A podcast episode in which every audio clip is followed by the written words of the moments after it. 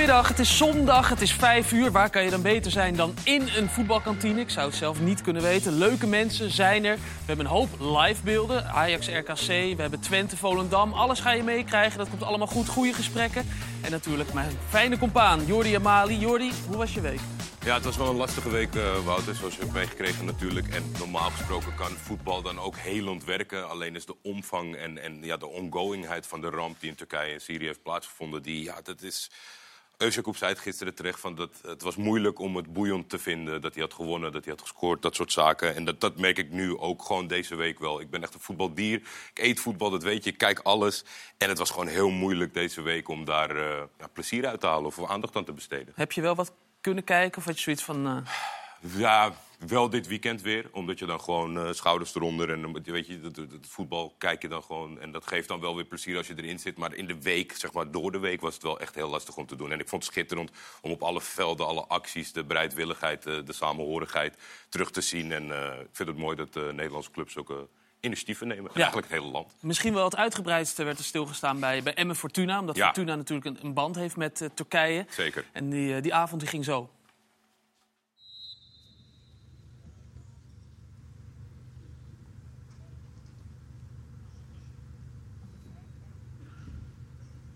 Doorspelen, maar dat is goed van Araujo. Die vertraagt ermee de aanval, maar stopt hem niet af. Want hier is het Osjakoub.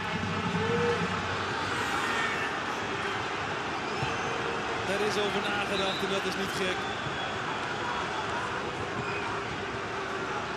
En dan kijk, scoren, wedstrijden winnen en dat soort dingen, dat uh, komt en gaat. En dan besef je eigenlijk dat dat eigenlijk helemaal niet belangrijk is. Mensen verliezen hun huis, hun kinderen, ouders, oma's, opa's, familieleden. En die moeten hun hele leven eigenlijk met dit gaan leven. Dus uh, nou ja, het is uh, voor het team denk ik wel leuk dat we hebben gewonnen. Maar uh, ik, ik, ik, zit met nog veel meer dingen aan mijn hoofd. Ja, mooi gesproken. Voor het team is het leuk, maar zelf kan hij er niet zo uh, van genieten. Nee. We gaan toch maar zitten.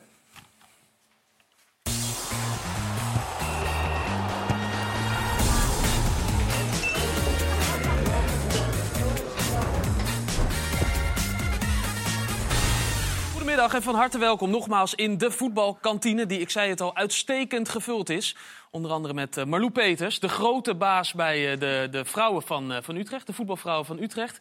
De grote vraag is natuurlijk of jij je grote vriendin Danielle van der Donk gaat halen als een van de speelsters. Dat gaan we straks horen. En naast haar zit Kostas Lambroek, keeper van Willem II... die afgelopen vrijdag enorm kwaad was. Dat zien we zo, hoe dat ging. En aan mij zeiden de reizende ster van de achterhoede van ADO Den Haag... Vin van Bremen, welkom. Henk Vos, een bekend gezicht. De eerste Nederlander die ooit op Old Trafford scoorde. En daarnaast natuurlijk onze Kees Luiks. Onze Kees Luiks, mag ik wel zeggen. Kees, van harte gefeliciteerd, jongen. Dankjewel. Jij was jarig gisteren. Zeker. Ongelooflijk. Mijn zoon ook. Daarom. Uh, dubbel gefeliciteerd. Dubbel gefeliciteerd. Applaus zelfs ervoor. Ja. ja je kwam hier binnen. Ik, je, ik, zag aan je, je vond het raar dat we er niks over zeiden... maar we dachten, we doen het in de uitzending. We hebben namelijk uh, iets voor jullie, allebei. Ja, dat is uh, Nick. Nick. Oh ja, Nick, je hebt het leuk ingepakt, zie ik. Echt waar, ja. Kost het nog moeite gespaard. Ook dat is Nick. Ja. Hey. Ah, ja. vind ik echt heel leuk. Dankjewel, jongens. Kijk, en dit is een, uh, een elletje en een esje. Ja, ah, moet lukken. Voor jullie allebei. Heel leuk. Super tof. We zien foto's tegemoet. Ja, omdat jullie zo vaak ja, ja, zijn. Zeker. Hartstikke leuk. Ik doe ze nu de shirtjes ieder weekend aan uh, langs de lijn. Heel goed. Ja. Heel goed. Uh, nou, Kees, Als ik niet door jullie word uitgenodigd. Neem uh, lekker een drankje zo namens ons. Dan gaan wij kijken naar de voetbalwedstrijden die op dit moment bezig zijn. Dat is namelijk Twente-Volendam. Die wedstrijd is te zien op ESPN 4. En um, daar moet, als het goed is, iets zijn gebeurd. Ja, er gebeurt ook iets. Dit is uh, Twente in de aanval. Zo. Wat een doel. Wat is dit, joh? Schitterend aangenomen. Met een beetje... Als je een beetje door je wimpers kijkt, zijn ze uh, Bergkamp... Uh, Joshua Brent blijft het toch altijd zo verbazen, hè? Zo. Nou ja. Alsof hij jaren lang voorin speelt. Een geweldige goal. Kijken wat Ron Jansen vindt. Woe! En uh, uh, zojuist is er uh, nog iets gebeurd. Dit is Czerny. Die schiet hem ook goed binnen, zeg. Toch ja. wat veel ruimte achterin bij Volendam. Bij Volendam geven ze nog wel eens wat weg. Maar zien.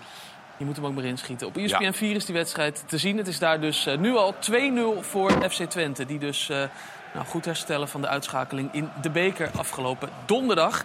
En op eh ESPN eh, 2 nog... Oh, hier is toch iets... Nou, ook blij. Iets minder dan bij de eerste en wel terecht. Op ESPN 2 wordt ook gevoetbald. Daar namelijk eh, Ajax tegen RKC. Dat is de eerste thuiswedst- thuiswedstrijd van eh, John Heitinga.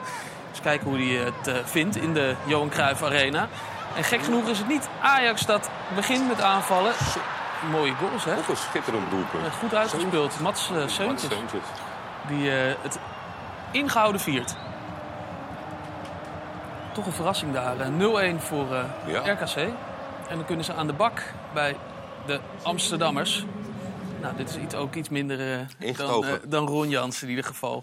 Goed, eh, fijn dat jullie er allemaal zijn eh, hier aan tafel. Marlou, even beginnen bij jou. Hoe, hoe is het eh, om, om de grote baas te zijn bij de Utrecht Vrouwen? Een grote baas klink- klinkt wel heel heftig. Ja, dat is het ook. Nee, ja, het is elke dag genieten. En eh, eh, ja, het is natuurlijk onwijs gaaf dat je vanuit eh speelsterkant... Ja, nu aan de andere kant eh, van de tafel mag zitten... en eh, ja, eigenlijk je hele team mag gaan vormen. En ja, dat is eigenlijk een droom die uitkomt. Ja, want je, je hebt gevoetbald. Ja, Heel vaak geblesseerd eh, geweest. Ja, helaas. Hoe vaak ben je geopereerd in je knie? Ik heb eh, acht operaties aan mijn knieën gehad. Dus ja, mijn lichaam wilde niet helemaal meewerken. Nee, dan op een gegeven moment snap ik dat je zegt, nou, nu is het wel echt eh, klaar. Ja, ja. En toen, nou, nu, er zit van alles tussen, maar uiteindelijk ben je dus de grote baas, ik zeg toch nog maar een keertje, van de, van de Utrecht Vrouwen. Ehm, jullie gaan bij de, de Azerion Vrouwen Eredivisie komen jullie volgend Klopt. jaar. Dat Ja. betekent ook dat jij van, van niks opeens een elftal, een team moet gaan samenstellen deze week. Nou, een goed begin, een trainer. Ja, zeker. Ja, daar zijn we heel blij mee. Dat, daar begin je natuurlijk mee, Ja. ja. de, de trainer. Eh, en natuurlijk waren we al een beetje voorbereid op, eh, op dat we de Eredivisie weer in mochten. Eh, en ja, dan ga je snel stappen maken. En wij zijn heel blij met de komst van Linda. Wij denken ook echt dat... Linda Helbling, hè? Linda Helbling, Ja. ja. zeker. Een, een vrouwelijke trainer die onwijs veel ervaring heeft in het vrouwenvoetbal. Eh, en daar waren we ook echt naar op zoek. En wat eigenlijk het allerbelangrijkste was, was dat die klik er echt was op het DNA van FC Utrecht. En haar speelstijl, wat paste bij de speelstijl van FC Utrecht. En ja, daarvoor eh, hebben we eigenlijk voor haar gekozen en hebben we alle vertrouwen in het proces. Is de aanlooptijd voldoende? Oh, we moeten even, we moeten Jongens, even ja, er naar zijn twee wedstrijden om, vier. er zijn twee wedstrijden om kwart voor vijf. Dat betekent dat er een hoop gescoord kan worden. Dan gaat er dus een bel en dat betekent eh, dat we naar die wedstrijd gaan. En dit is een corner van FC Twente en een doelpunt ook van FC Twente. Dit, Gaat eh, wel heel hard eh, daar, hè? gaat inderdaad vrij hard. Dit is Mees Hilgers die hem eh, goed binnenschiet en ook daar zeer blij mee is. Proeper wint het eh, duel. Mm, ja, valt overal tussen. Ja. Kees, wat zit je te brabbelen? Nou, Henk zegt zijn wel wisselvallig, Volendam. Maar sinds de winterstop eigenlijk doen ze het hartstikke goed. Ehm, Beetje onverwacht. Hoor ik ook uit jouw stem. ja, heel verwacht. Ja. Ja. ik vond Volendam eh, was voor mij nummer één eh, degradatiekandidaat. Maar ze zijn geswitcht naar een wat andere formatie. Ja.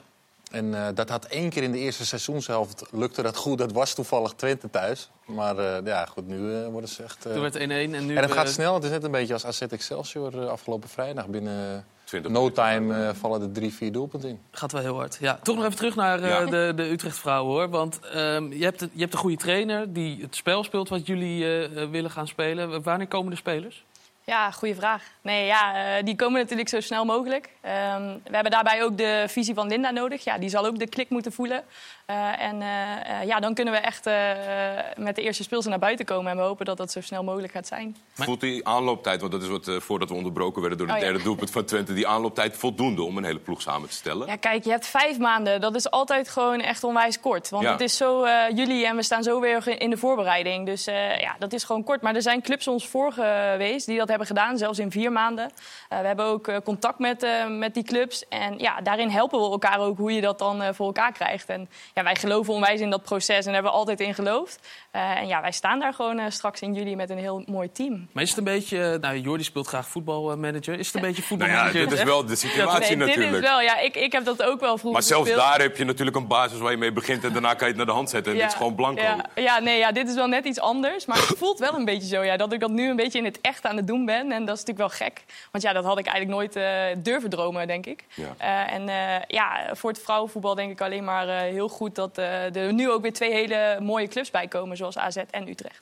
Jij zei het net al, eh, deze meneer was vrijdag heel erg boos. Ja. Ja, ik zat te Eh, kijken natuurlijk, schakelkanaal. Dat wil je dan zien. En ik zie opeens Kostas Labroes ook dwars door het beeld heen. Eh, wat was er aan de hand, eh, Kostas? Ja, ik was gewoon goed boos. Ja, Ja, dat was een beetje een rare situatie. En, eh, achteraf denk je, ja, was het nou echt nodig om zo boos te worden? Maar nou, ja, jetzt zie je, zie je het voorbij komen. Ja, dit is een, een, een bal die uit moest gaan. Eh, Ja. Jullie speelden een bal uit, want er is iemand van Dordrecht geblesseerd. Nou, die bal die, die ging in de verste, verre niet, u- eh, verste verte niet uit. En dan gaat hij. Ja, en dan even- gaat- Hier wordt- Dit is En dan gaat hij. echt voetbalverhaal halen. ja, ja, ja. Hij is niet bang aangelegd. Nee. nee. Ja, was een beetje, ja. We hebben gewoon niet slim gedaan, denk ik. Ja, de bal moet gewoon eh, duidelijk over de zijlijn. En dat doen we niet. Maar eh, ja, als je over fair play eh, praat... eh, Maar je zei, dit was ook heel lang geleden dat je zo kwaad was. ja, dat klopt, ja. Ja, vroeger... Zijn, eh, zijn we daar een beetje te makkelijk in soms, Kees? Met de, de bal uitschieten. Kijk, natuurlijk zijn er bepaalde situaties waarbij, waarbij je de bal uit moet spelen omdat iemand behandeld moet worden. Of de scheidsrechter fluit. Maar het is natuurlijk ook vaak dat er niet superveel aan de hand is. Hè? En dan is het toch wel handig dat die aanval wordt onderbroken. Ja, denk ik ook. Ja, ik vind het moeilijk te zeggen. Het hangt van de, van de situatie Ja. af. Je had wel ooit eh, Di Canio, die het spel zelf stillegde. Ja. Heeft zijn hele imago veranderd volgens mij sindsdien. Mm, daarna ging hij volgens mij nog niet- naar, Italië, toch in zijn eigen Niet Rome. helemaal, maar hij had in ieder geval... Hij kreeg iets aaibaars. Ja, zeker weten. De keeper was geblesseerd en hij kon hem zo binnenschieten. En Ja, volgens mij ja en hij pakte hem in zijn hand en Ja. hij legde het spel, spel stil. Had jij dat gedaan? Ja, is een kwestie van... doen? Waarschijnlijk op dat moment denk je alleen maar aan dat doelpunt maken. En hij ja, had er al zoveel gemaakt. Hij denkt, joh, ik kan even, kan even rustig gaan doen. Ik weet niet, leggen we het spel te snel stil? Ik vind het, ik vind het moeilijk in te schatten. Weet je? Dat hangt echt van de situatie af. En als je met het spel bezig bent... Kijk, in deze situatie Is hadden, ze- anders, ja. hadden de spelers van Dordrecht achteraf... een paar die tegen je zeiden van... nee, sorry, we hadden toch... eh, Bijna iedereen heeft gezegd op dat moment... eh, ja, wij schrokken ook ervan. Wij stopten ook eh, in die situatie. Maar deze Ja, jongen kan geloof ik niet zo goed Engels. Dat klopt, dat klopt. Dat heb ik ook achteraf gehoord. En, dit van ja, van de andere kant moet je een taal spreken om te kunnen begrijpen wanneer een bal over de zijlijn wordt gespeeld of niet. Ja, dat weet ik niet. Maar, Universele voetbaldingen.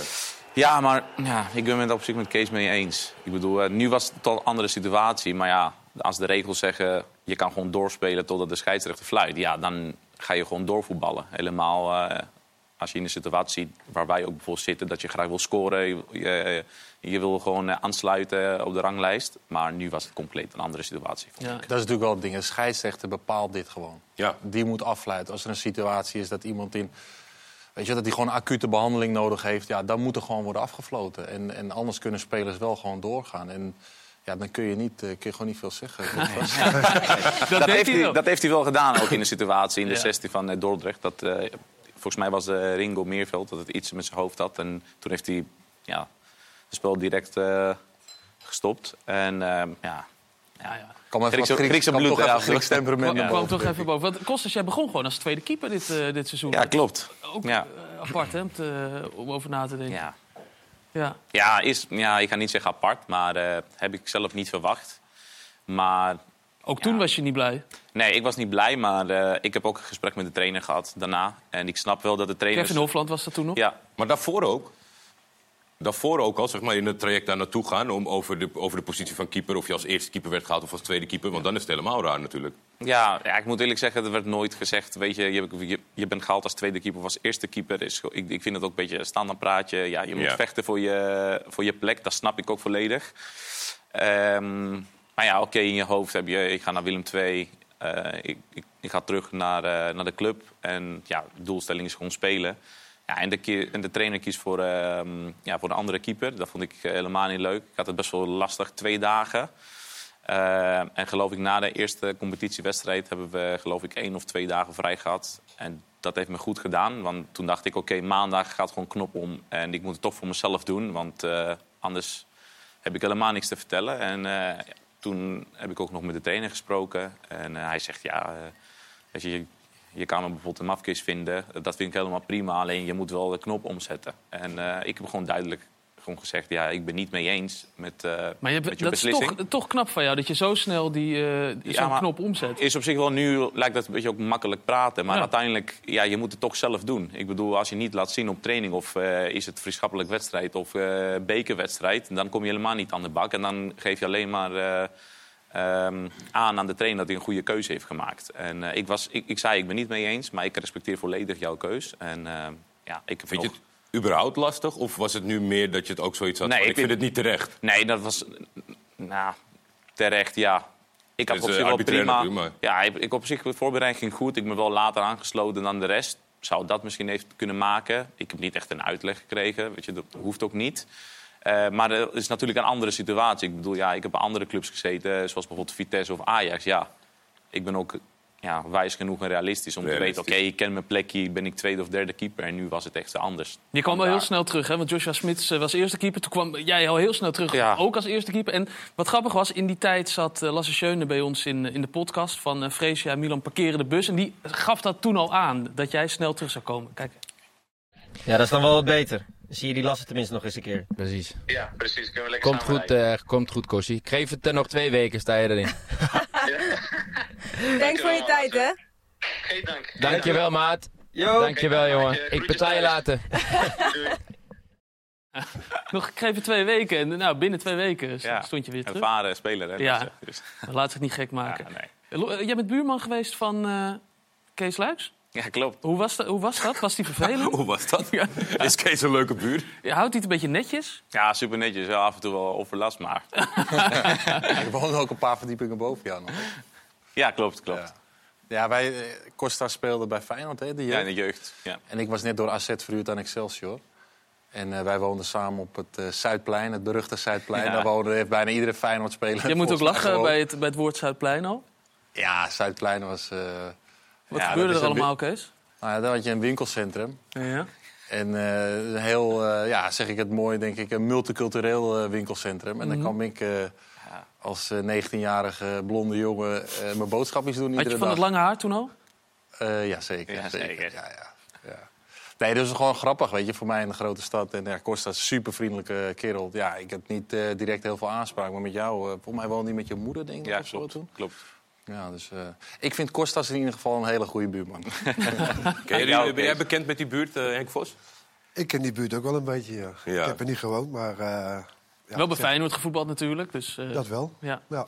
Maar ja, Zuidplein is eh, denk ik toch wel bekend in Rotterdam eh, voor de meeste mensen. Dus eh, ik kan wel begrijpen wat eh, Kees en Ja. Kostas bedoelen, ja. Volg je Feyenoord nog met extra aandacht? Of is dat eigenlijk Ehm, ja, goed? Feyenoord blijft toch wel een bepaald plekje in mijn hart houden, ja. Ja, want je hebt wel veel clubs gehad. Eh, het was eh, Heel veel een flinke clubs. rij. eh. ja. ja. Ik geloof, als ik het goed heb, eh 17 verschillende clubs. 17 verschillende clubs. Ja. Hier zien we wat doel. Ja, we hebben wat mooie doelpunten van, eh, van je tijd bij Feyenoord bij elkaar gezocht. Want nou, die waren er zeker. Ja, Hup, shit. Kon nog even laten rollen. Shit, die ging net uit. Kijk, deze. Hoppakee. hoe is het om dit terug te zien, Henk? Of zie je het vaak terug? Eh, Het is wel een tijdje geleden, maar ik heb wel eh, de meeste eh, goals en zo uitstaan allemaal wel op... eh, Die weet je nog wel. Op DVD en zo. eh, dat, ja. eh, eerst was het natuurlijk op eh, videobanden, later over laten zetten op DVD. Het is altijd wel leuk om zulke dingen terug te kijken. Wanneer doe je dat dan? Met, eh, met verjaardagen of zo? Dan gaat het grote Nee, nee, nee, nee, nee, nee, eh, nee, nee. Nee, gewoon lekker als ik eh, alleen ben, gewoon eh, op mijn gemakje. Dan eh, beetje krantenknipsels doorkijken, vind ik wel leuk. Ja, Kijken wat een rij. Ga jij eraan wagen of eh, gaan we het gewoon aan de mensen thuis dat ze het zelf mogen lezen? nou, dit zijn de gespeelde clubs van eh, Henk Vos. Ik noem het even op voor de luisteraars van de podcast. Want we zijn ook als Oh, podcast te beluisteren. RBC Roosendaal, Feyenoord, PSV, FC Den Bosch, Willem II, NAC Breda, FC Eindhoven, Top Os, Germinal Ekeren. eh Nieuwmoer FC, Standaard Luik, Germinal Bisschop, eh, Beerschot uiteraard, FC Metz, Racing Mechelen, FC Sochaux en KFC Meerle. Ja. Schitterende lijst, maar ook een hele afwisselende lijst. Ook in formaat van de clubs. Ja, Ja. De, de top en eh, de onderkant van, eh, van het voetbal. Ja. Maar dat is ook eh, het leuke ervan, denk ik, het charme. En, Op een gegeven moment maak je bepaalde keuzes. En eh, nogmaals, van geen één keuze heb ik spijt gehad. Dus eh, kwam je dan wel eens in, in, in de positie die, die Kostas net vertelt... dat je naar een wat kleinere club ging en dat je dan ineens ja, toch moest vechten voor je plek? Of was het dan Eh, altijd wel gegarandeerd? Kostas eh, vindt het niet leuk dat jij Willem II een wat kleinere club... eh, ik, Nee, nee, nee, maar, ik, nee, maar dat gaat natuurlijk op basis van zijn cv van Vitesse en Ajax, zeg maar, qua perspectief. Jij zegt kleinere club, ik zie Kostas zo in elkaar. Dat bedoelde ik absoluut niet, Tilburgers. Ik heb hem vrijdag gezien. Pas nou op wat je zegt. dat bedoelde ik niet. nee. nee, maar het is, eh, ja, je maakt bepaalde keuzes. En ik was altijd iemand die eh, absoluut wilde spelen. En ja, op het moment dat je dan op de bank komt, eh kun je ontevreden zijn.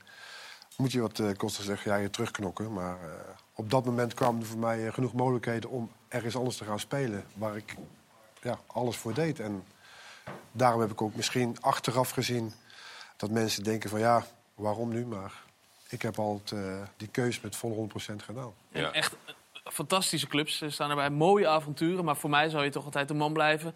die voor het eerst op, op witte voetbalschoenen... Kees liep. Luiks kwam binnen en die zei... Voor de witte schoen. Ja, Ja. Het, is, het is echt aan je blijven kleven, Henk.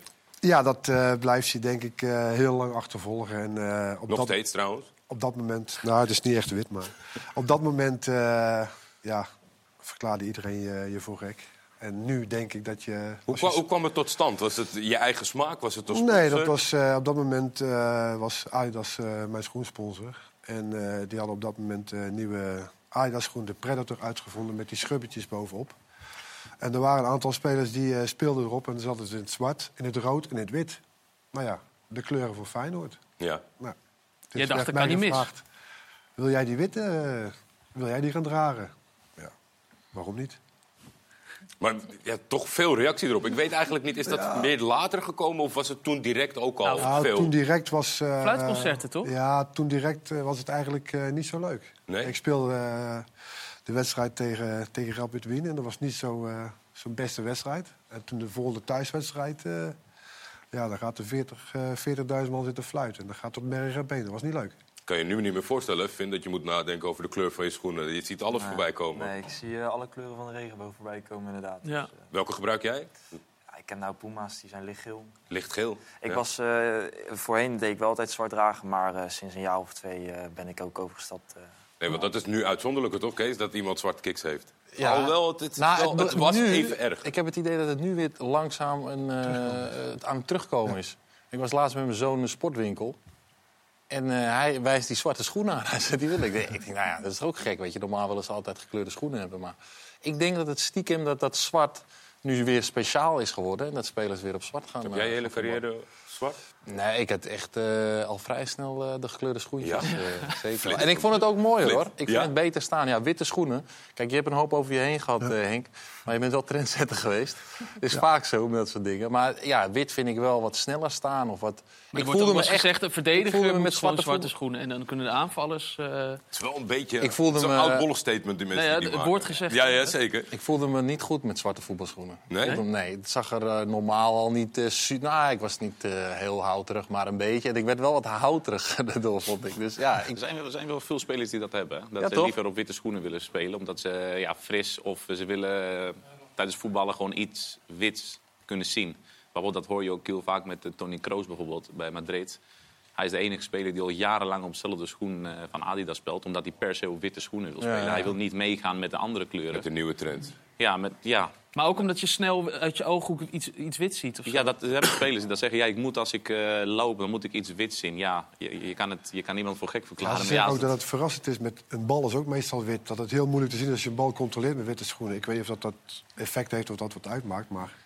Toen in jouw eerste wedstrijden met witte schoenen eh, zagen ze wel... eh, die, wat, dat ging niet zo lekker, toch, die eerste wedstrijden? Je Nee, hebt ook wel eens gezegd, als, als ik toen misschien iets lekkerder eh, had gespeeld... dan Ja, dan had je sowieso al eh, dat fluitconcert niet gehad. Ja. En eh, was het misschien ook eh, ja, sneller en makkelijker geaccepteerd geweest.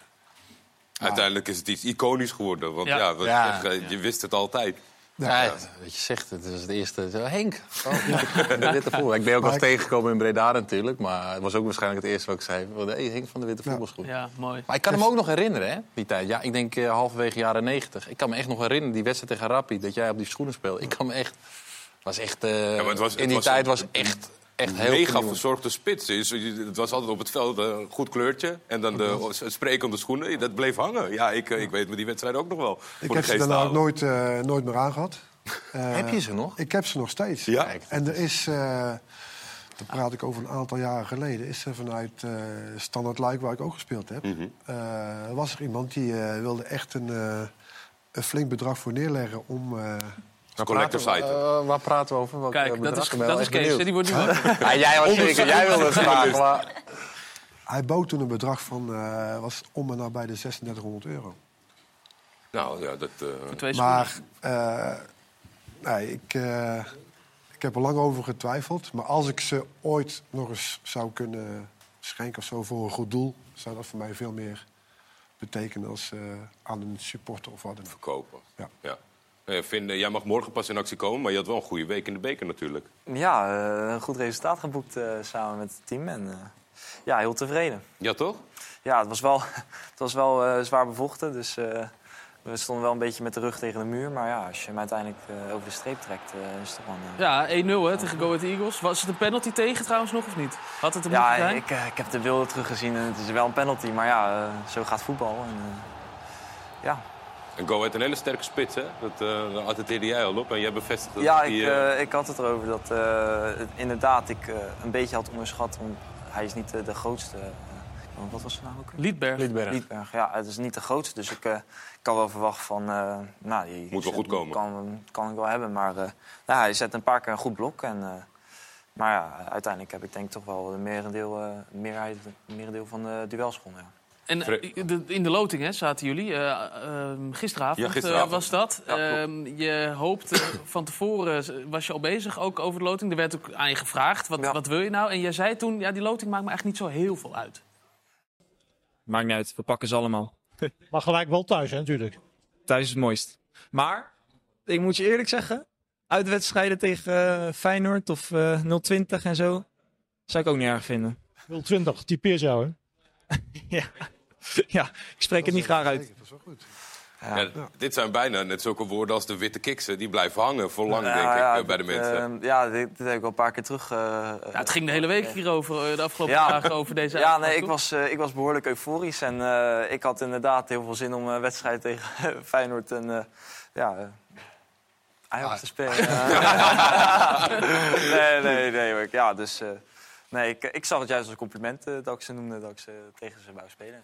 Maar het- je zegt het niet graag. Nou ja, ik, eh, het maakt me niet zo uit, maar ik... Nou ja, ik je ook- 020. Ja, nee, ja, ik, eh, ik speel nu al tien jaar bij ADO. En eh, die rivaliteit eh, met, eh, met hun heb ik altijd al gehad. Dus, Ja, ik kan me ook goed voorstellen dat Ja. eh, in, in jouw directe omgeving dus al tien jaar ook ja, iemand dat is, uitspreekt. dus dat dat is gewoon heel hangen. normaal eh, voor ons. En eh, voor ons, ja. Dus ja, dat, dat ging er zo uit, omdat ik gewoon in een soort eh, blije emotie zat. Dus ja, En heb je dus, eh, ben je er trots op? Heb je er spijt van? trots op, eh, weet je niet. ik, zei, ik zei het gewoon. Ja. ik, maar ja. Leuke reacties op gehad? Ik, Minder vanuit, de, vanuit de ADO-supporters en ook wel Feyenoord-supporters... die vonden het nog wel komisch. En nou ja, van de achterban van de Amsterdammers... die vonden het wat minder. Maar weet je, het is wat het is. Je trekt je niet heel veel van aan. Nou, ik, had het, eh, ik moest er even aan wennen, want ik eh, kom niet vaak natuurlijk eh, in het nieuws of zo. Nee. Dus het was even nieuw, allemaal DM's en dat soort dingetjes. Maar nee, ik heb, er, ik heb er goed over kunnen praten en ik, er wel over. En de geruchten zijn dat eh, ze bij ADO je een eh, contract voor het leven willen aanbieden. Hè? Van, alleen al vanwege deze... Ja, het zijn geruchten, dus, eh, die Vanwege zijn, eh, niet altijd waar. Nee, zo is het. Wat is er met jullie shirts aan de hand? Want die zijn... eh, Nou, de shirts zijn nog hetzelfde, maar eh, ja, de trainer heeft eh, recent besloten om eh, de broekjes wat eh, feller geel te maken. Maar toch ook eh, het hele... Het is in, in- in- als geheel wat meer Ja, eh, het is, het is feller en eh, de, de sokken zijn ook eh, geel. Ja? Voorheen was dat toch wat... eh, ja, ik, had, ik, ik merkte het zelf niet zo. En eerlijk gezegd, eh, toen ik de kleding zag liggen, merkte ik het wel. Maar ik wist niet wat er was veranderd. En eh nu ik de foto's terug heb gezien, zie ik inderdaad wel dat er een groot verschil was. Is het een geniale zet van Dick Advocaat om dit eh, te doen? Een beetje modepolitie vandaag, hè?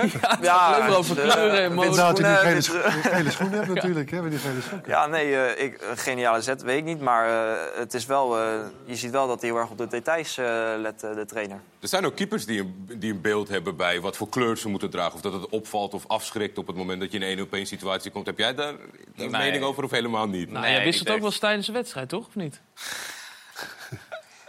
Vorig jaar bedoel je? Afgelopen seizoen. Ja, nee, ik heb niet echt een voorkeur qua kleur. Alleen, eh, ja, ze zeggen wel dat als je felle kleur hebt, dat eh ja, soort dat automatisch... Dat ja, het naar je toe trekt. eh, Kijk, ze letten op in de bestuurskamer. Dit was eh, vorig jaar... toen, je, toen je moest wisselen. Ja, we laten het ook even voor alle kijkers die daar... Wat, oh, daar gaat... Nee, volgens mij zien we nog een goed shot. Kijk! Ja, dit is wel... eh Een krachttraining gedaan. Pot, jeetje. Ja, af en toe... Ja, een beetje bang drukken doen we. Nou, dat is wel te zien, ja. dat, Kees, jij zei ook al chest, toch? Zei jij? Chest, hij Ja, chest. chest, ja. nee, ja, dat was eigenlijk heel grappig. Want in eerste instantie eh, zou geloof ik AZ op een andere kleur spelen. En eh, ja, heel raar dat de scheids niet zag. Maar ik ook. Dan sta je gewoon naast elkaar en dan lijkt het alsof je gewoon blind bent. Ja, maar dat, ja, daar let je toch ook niet op dan, of wel? Ja, van, ja, daar leed je niet echt op. Maar het is super raar dat je gewoon niet kan zien dat iemand gewoon hetzelfde kleur draagt als Hetzelfde jij. heeft. Dat vond ik zo apart. Ja. Ja, Want ja, dat gebeurt ook. Zeker, zeker. En dan kan je even wisselen en eh, nou, dat deed je goed. Straks eh, zijn we terug. Dan gaan we het hebben over de trainer van Vin van Bremen. Dick Advocaat. En ook Henk Vos heeft herinneringen aan de kleine generaal. Dat dus zo heel graag. Tot straks.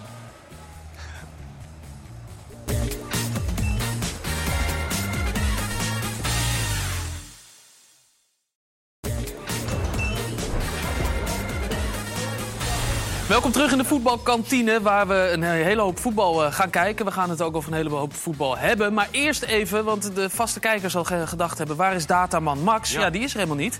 Er is eh, iemand anders, een andere redacteur. Dat is Ruben Commandeur aan de bar. Ruben, ehm, je zit hier omdat op de social redactie van E ESPN... de afgelopen week feest. al eh, taart wordt gegeten, Ja. slingers hangen en confetti. En we vroegen ons af, waar- waarom is dat eigenlijk? Nou, dat is wel een hele speciale reden. Want eh, ja, we zijn natuurlijk al een heel tijdje bezig met social media, met Instagram, Facebook, Twitter. Eh, maar nu heb je het fenomeen TikTok, wat steeds populairder aan het worden is. En dat is echt binnen de kortste keren uitgegroeid tot ons grootste platform. En eh 1 miljoen volgers hebben we bereikt met ESPN NL.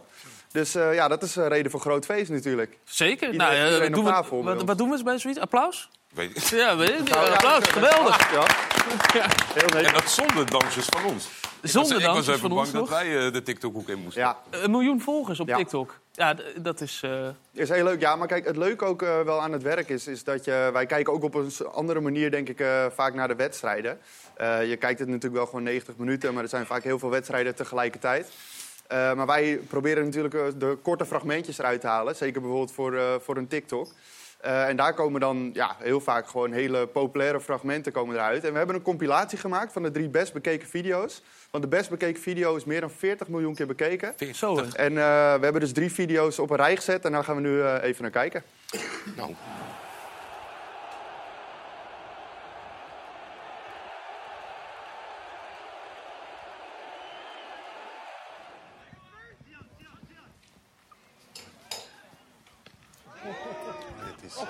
Het voor Roda? Emmers. Ja, ja, ik zie aan Emmers. Ja. Die ging meteen daarna weg. Ja. Dat is echt. Weken na. Ja, die kon naar, dus eh, TikTok naar is ook United. goed voor je transfer. Ah, eh. kijk. Bij de Oh, nee. graafschap? Ja, Deze hebben wij ook nog een keer ingezet. Ja, natuurlijk. Ja, hè?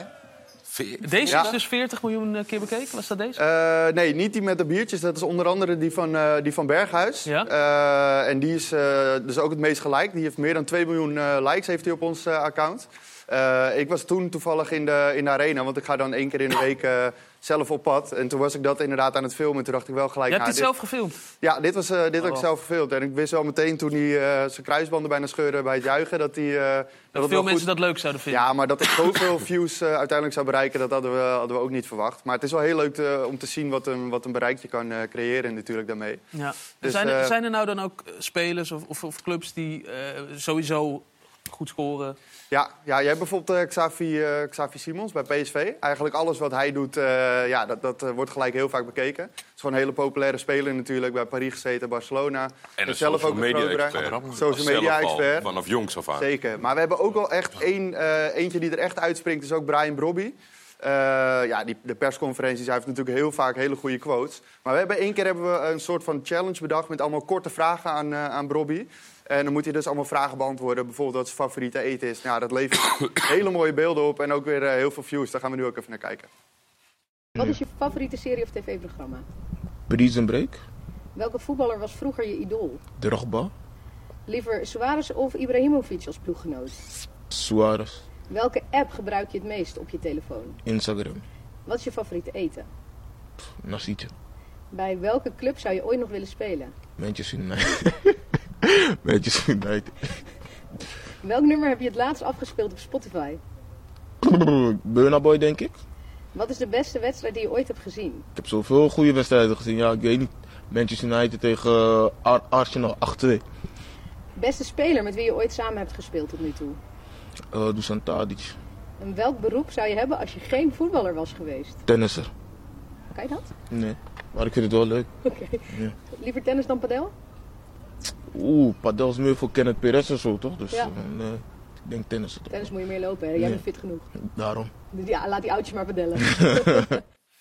Ja, en nu zit hij eh, dus hier op, eh, op de bank bij, eh, bij Ajax RKC. Maar hij is wel heel leuk online. Ja, zeker. Ja, is ook wat waard. Ja, eigenlijk altijd als je nu zelf iets post, dan reageert iedereen Nassietje. Dat is, dat is nu het dingetje geworden bij Brian Brobby. ja, Ja, ja. nee, maar het is leuk om die spelers natuurlijk ook gewoon op zo'n manier een keer in een interview in plaats van de standaard vragen. Dus dat vinden ze zelf ook heel erg leuk.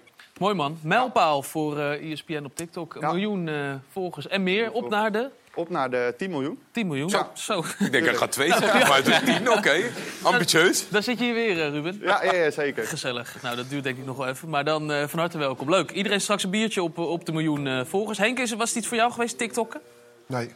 Als, eh, als voetballer? Nee, nee dat is, eh, ik, eh, ik heb Facebook en eh, voor de rest eh, Instagram en Twitter en zo allemaal. eh, nee, dat, eh, ik zie het wel eens, maar het is niks voor mij.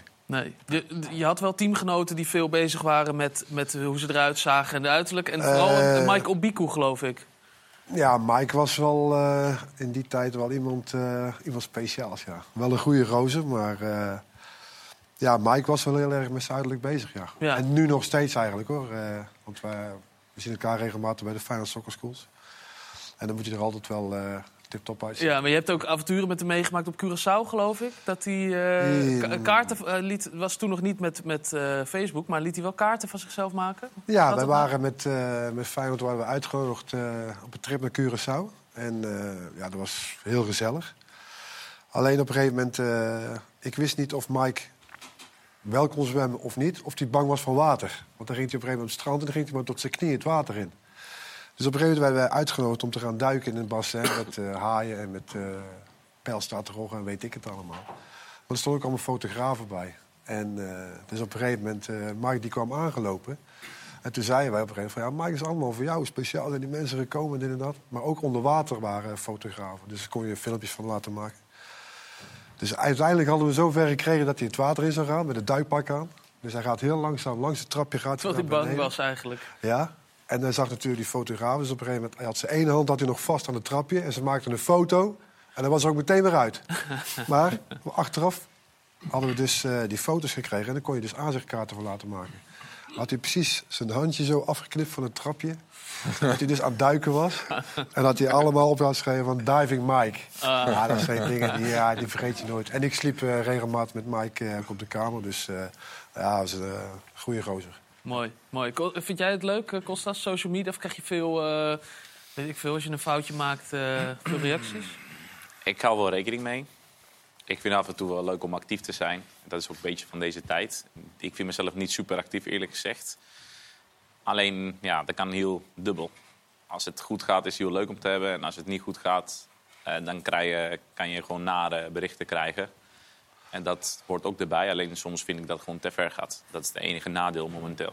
En Maar kan je, dat, eh, kan je dat loslaten dan? Ik kan, het, ik kan het gewoon loslaten, zeker weten. Alleen is het gewoon, is gewoon super aard dat je, kijk, dat, dat je iets schrijft of iets typt. Weet je dan, oké, dat kan iedereen doen. Je kan emotioneel zijn. Maar zijn, dat gebeurt zo structureel dat mensen gewoon... die denken zo goed na, oké, ga je een nep account maken met een neppe e-mail en dit. Dus dan heb je gewoon... Er zit veel te veel werk in om er te zit zeggen veel te van veel werk om, als, om iemand daarna lastig te vallen die misschien een fout maakt. En dan ben ik, eh, morgen is misschien iemand anders. En dan denk ik, ja, word je nou daar vrolijk van? Of wat heb je nou bereikt als persoon om dat te doen? Weet je, dat, dat vind ik gewoon heel jammer van social media. Maar van de andere kant is het ook best wel leuk. Want ja, je, je ziet leuke plaatjes voorbij komen. Je ziet dan natuurlijk ook heel veel onzin. Of luister, en wat we net over hadden met TikTok, leuke filmpjes. En ja, is wel leuk om eh, erbij te zijn, maar zo actief ben ik niet echt. Nee. Maar en het, het zijn ook vaak, als jij een fout maakt, wordt vaak gezegd: oh, hij is te klein of zo. Ja. Hoe is dat voor jou? Nou, hebben ze gelijk, toch? Ik ben ja, ja, ja. Dat, eh, dat heb ik de hele, mijn hele leven mee. eh, Dat, eh, ik kan het op zich nu wel loslaten. En eh, ja, als er bij mij een balletje invliegt, dan ben ik te klein. En eh, bij iemand anders is het een fout of is het goed ingeschoten. Dat, daar moet ik mee dealen. En eh, is niet altijd even leuk, alleen eh, ik ben nu wat rustiger daarin. En eh, Los- ik kan het veel beter loslaten, ja. Los van de supporters, is de media te kritisch op keepers? Vind je wel? dat? Ja? ik vind van wel. Maar ja, van de andere kant is kritisch zijn negatief of positief. Dat is hoe je het zelf bekijkt. Ja, als, je, als een keeper fout maakt, dan, ja, dan kunnen ze heel kritisch zijn. En bij andere spelers misschien wat minder. Maar ja, dat is het leven van de keeper ook. Dus eh, dat, dat, dat wist ik al, zeg maar. En misschien is het bij mij iets meer, omdat ik met mijn lengte te maken heeft al, eh, al die jaren. Maar van de andere kant zeg ik altijd, alles gebeurt met de reden. En uiteindelijk al de kritiek die ik heb gekregen, die heeft me gemaakt eh, ja, wie ik nu ben en wat ik bereikt heb. En, ik heb altijd gezegd, ja, als bepaalde mensen of wat dan ook mening hebben dat ik misschien niet goed genoeg ben of door mijn lengte niet veel kan bereiken, dan ben ik zo'n iemand die denkt, oké, dan ga ik eh, laten zien dat ik, eh, dat ik toch meer eruit kan halen van wat jullie denken. En dat heeft me ook enorme kracht eh, gegeven om altijd door te gaan en ja, te laten zien ja, en te bewijzen dat ik het toch kan. Maar je hebt één keer gezegd, toen was het zo onterecht. Dat was toen, was dat Ajax Heerenveen? Toen Ja, ja, ja. was 4-4 of zo? Ja, Toen dat heb ik- ging het echt te ver. Ja, en ik moet eerlijk zeggen, ik ben best wel eerlijk als persoon, vind ik. En ehm, ja, de goals die we tegen hebben gekregen, natuurlijk had ik, eh, zeg ik ook, twee van de, van de vier goals eh, ja, kunnen hebben of moeten hebben. Eh, maar ja, heb ik, niet, heb ik gewoon niet gedaan. En eh, ik voel me gewoon, toen heb ik me gewoon een beetje eh, gevoeld, beetje als eh, ja, een zwakke schakel, zeg maar. En dat is ook niet erg. Eh, en ik heb gewoon gezegd, uiteindelijk, dat was geloof ik 18, 19 Mhm. eh, seizoen. Eh, de goede momenten waren ja, veel meer dan één moment waar ik niet goed eh, ben geweest. En daar wil ik aan vasthouden. Ja. We hadden een superleuke ge- groep. Ehm, ja, de kans gekregen om twee jaar op eh, zo'n eh, ja, bij grote club. niveau was hoog. eh, veel dingen meegemaakt met Champions League. Ja, oké, niet gespeeld, maar wel leuke ervaringen. En daar wil ik aan vasthouden in plaats van een wedstrijd, eh, kijk, incident noemen of wat dan ook, eh, dat je niet goed speelt. En eh, nou, ik ben mee eens dat ik niet, niet zo goed heb gespeeld. Van de andere kant vond ik het wel te ver gaan. Is het, is het ook een gebrek aan kennis bij degene die een mening erover moeten geven? Als ik net naar de beelden kijk tegen Heerenveen... Ja, de, de, de sim- simpele gedachte bij mij is... doe er wat lengte bij en dan kom je verder. Dat, dat merk je natuurlijk, een reflex. Maar dat is volgens mij ook uit een gebrek van kennis over het vak. Ja, vaak wel, denk ik. Want eh, ik zeg natuurlijk, kijk, als ik, eh, eh, als ik mijn positie niet goed is ehm, en er vliegt een bal erin, dan, dan ben ik ook mee eens. Dat, Omdat ik kleiner ben, dan, je is, dan extra. Is, is misschien mijn bereik net eh tekort, zeg maar. Eh, of eh, soms sta ik positioneel goed, maar als je timing niet goed genoeg is, dan kan ook een bal erin vliegen. En dan ben ik mee eens dat een langere keeper, als hij misschien net niet goed staat of zijn timing niet goed is, dan kan hij wel alsnog corrigeren met zijn lengte. Dus bij mij moet het gewoon alles optimaal werken bij bepaalde situaties. Maar dat wil niet zeggen dat een langere keeper beter is dan een kleine keeper. Of voor per se zou pakken. Ja, en dat is zeg maar wat ik zeg. Heb je kennis of eh, wordt een bal geschoten tussen de benen? Sta ik stil op het moment van, eh, van de schot? Bij keepers zit zoveel details. En ik hoef mezelf niet te verdedigen, maar dat is gewoon echt de waarheid. Vind, vind jij het lastig beoordelen, Kees? Als, als, als analist? Ja. Het is toch... Ja, ik vind kijk, het wel lastig als niet-keeper. Ja. eh, vind ik het wel... eh, zij- zullen er, ik, ik ben niet zo eh, onderlegd qua kennis als, een, als een keeper. Van, als het over de, het keepersvak gaat. Maar ik heb wel duidelijk een mening over wat ik een fout vind... en wat, niet, wat een fout is van een speler... en wat de fout is van de keeper in een bepaalde situatie.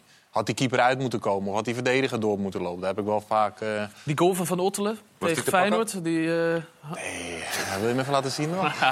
het is meer even dat we hem even willen Ja, ja, laten zien. precies. Nee, dat Heb je hem gezien, eh, Kostas? Ja. ja. Had Wat hij moeten hebben, goal. toch? Ja, klem zelfs. Wellenreuter. Want een goal. Als je die op je af ziet komen. Ja, daar kun je niks aan. Weet je, we- weet je voordat deze tegen de touw al is, die, die gaat erin als keeper zijn? Heeft hij nou witte schoenen? Ja, hè? Hij werd aangeraakt. Hij werd een klein beetje van het is, richting... het is eh, wel zo natuurlijk, eh, als keeper zijnde, als je een foutje maakt, is het 9 van de 10 keer een goal.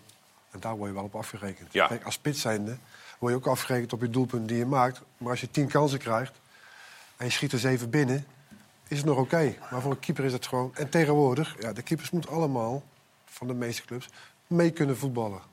En dat is ook, denk ik, voor heel veel keepers een omschakeling geweest.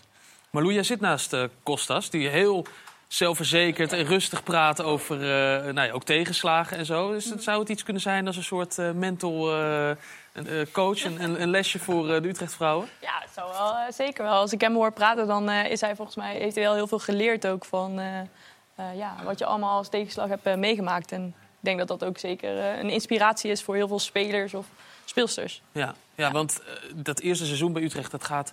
Nou ja, er wordt nu ook al veel over gesproken, over de, de hoge uitslagen die er zijn. Het Ja. Wordt het 8-0, 9-0. Is dat iets waar je Ja, dat gaat natuurlijk ook gebeuren bij Utrecht, of niet? De kritische column van Vivianne Miedema Ja. bij, de, bij de bekendmaking dat Utrecht erbij zou komen. Ja, tuurlijk. Ja, dat zijn geluiden die er denk ik eh, terecht ook rondgaan. Want dat zijn ook gewoon de uitslagen die nu in de Eredivisie voor vrouwen eh, ja, er zijn.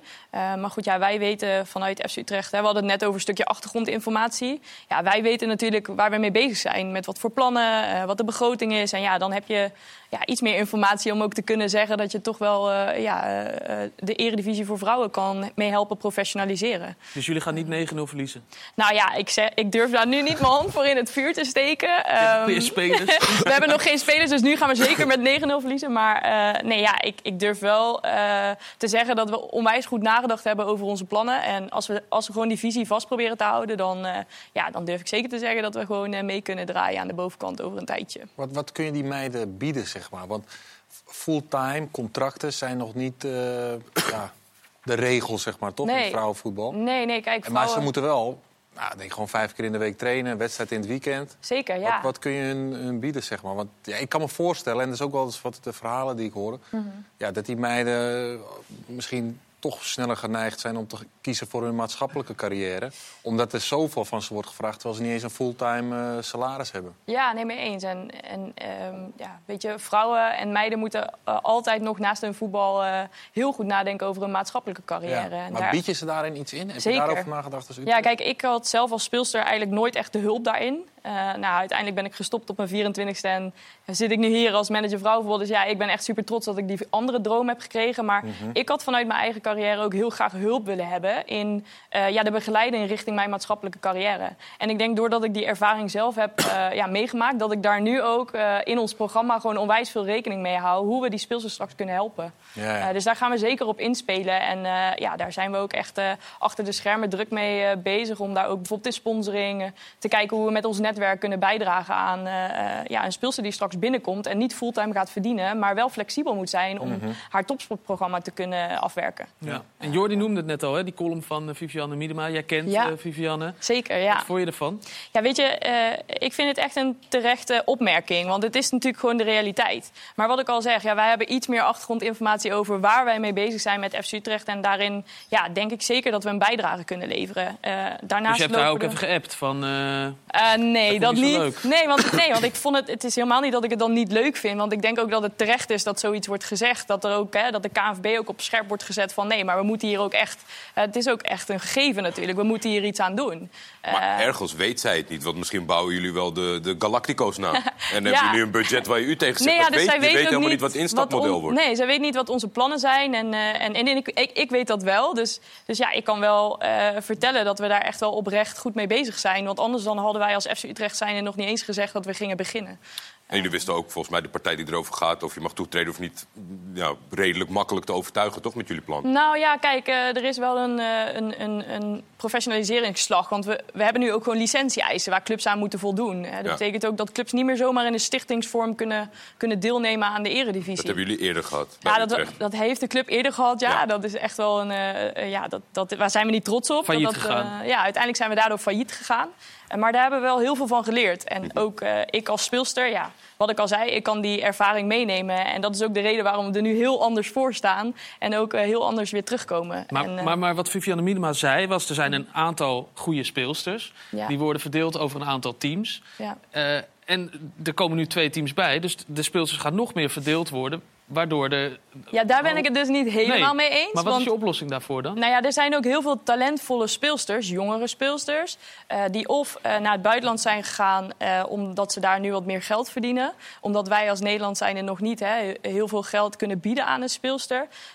Of er zijn heel veel talentvolle speelsters nu die bij Ajax, PSV, Twente in de belofte zitten, maar die dan net niet door kunnen stromen. Maar die hebben wel gewoon die minuten nodig en die moeten zich ook gewoon kunnen ontwikkelen. Ja, en als er een nieuwe club bij komt, dan kan die die talenten ook weer gewoon speelminuten bieden. Waardoor zij ook weer zich nog sneller kunnen accelereren. En ik denk dat dat vooral ook eh, soms vergeten wordt in zo'n opmerking. Want ja, eh wij willen natuurlijk gewoon iedereen blijven ontwikkelen in Nederland. En er is zoveel talent, ook in Utrecht. Er is toch ook gewoon het zijn ook gewoon buitenlandse speelsters. Want het is niet zo dat het een vast potje van 100 speelsters zijn die verdeeld moeten worden. Nee. Zo laat het een beetje lijken. Terwijl je kan ook gewoon. Volgens mij Fortuna heeft ook eh buitenlandse international. Ja, Fortuna heeft natuurlijk veel naar België gekeken. En eh, er zijn ook heel veel Nederlandse spelers die naar België zijn gegaan. Omdat bijvoorbeeld eh, eh, Leuven nu ook best wel heel veel geld investeert. Dus ja, je kan daar gewoon wat meer verdienen. Dus als wij als Nederlandse club zijn, dus ook iets meer basis aan financiën kunnen bieden. Ja, dan kunnen wij ook gewoon dat soort hele goede speelsters terughalen. En begin je bij de duurste spelers? Nee, wij, ki- wij kijken vooral ook naar eh, de basis. Hè. En dat moet een mix zijn tussen wat ervaren speelsters en jonge speelsters. En ja, daarin hebben we natuurlijk ook wel stappen gemaakt in wat ze gaan verdienen. Over jonge spelers gesproken. Finn, hoe is het om te werken met eh, de, de oude, sluwe kleine generaal eh, Dick Advocaat? Ja, dat is wel, eh, dat is wel heel mooi. En, eh, ja, je merkt toch wel dat zo'n man een hele grote carrière achter de rug heeft. Waar merk je dat aan? Ja, toch wel eens het doen en laten, hoe hij met spelers omgaat. En, eh, ja, ik denk ook wel dat hij eh, goed... Zegt hij dat dan ook vaak? Van, oh ja, bij Zenit deed ik dat dit zo en eh, nee, daar nee zo. totaal niet. Nee, maar gewoon eh, in hoe hij met de spelersgroep omgaat... en hoe hij vaak toch wel de energie aanvoelt van een, wat wij nodig hebben. Dus als het serieus moet zijn, dan weet hij ook echt wel het serieus te laten worden. Maar als het bijvoorbeeld even luchtig kan zijn, dan maakt hij wel zijn geintje of zo. Groot verschil met Dirk Kuyt? Ja, zeker weten. Ja. Ik denk dat Dirk Kuyt het allemaal te goed wou doen. En eh, ja, toch wel he- heel erg professioneel ermee bezig was. En ik, ik denk dat Dick Advocaat het toch heel erg bij de basis houdt.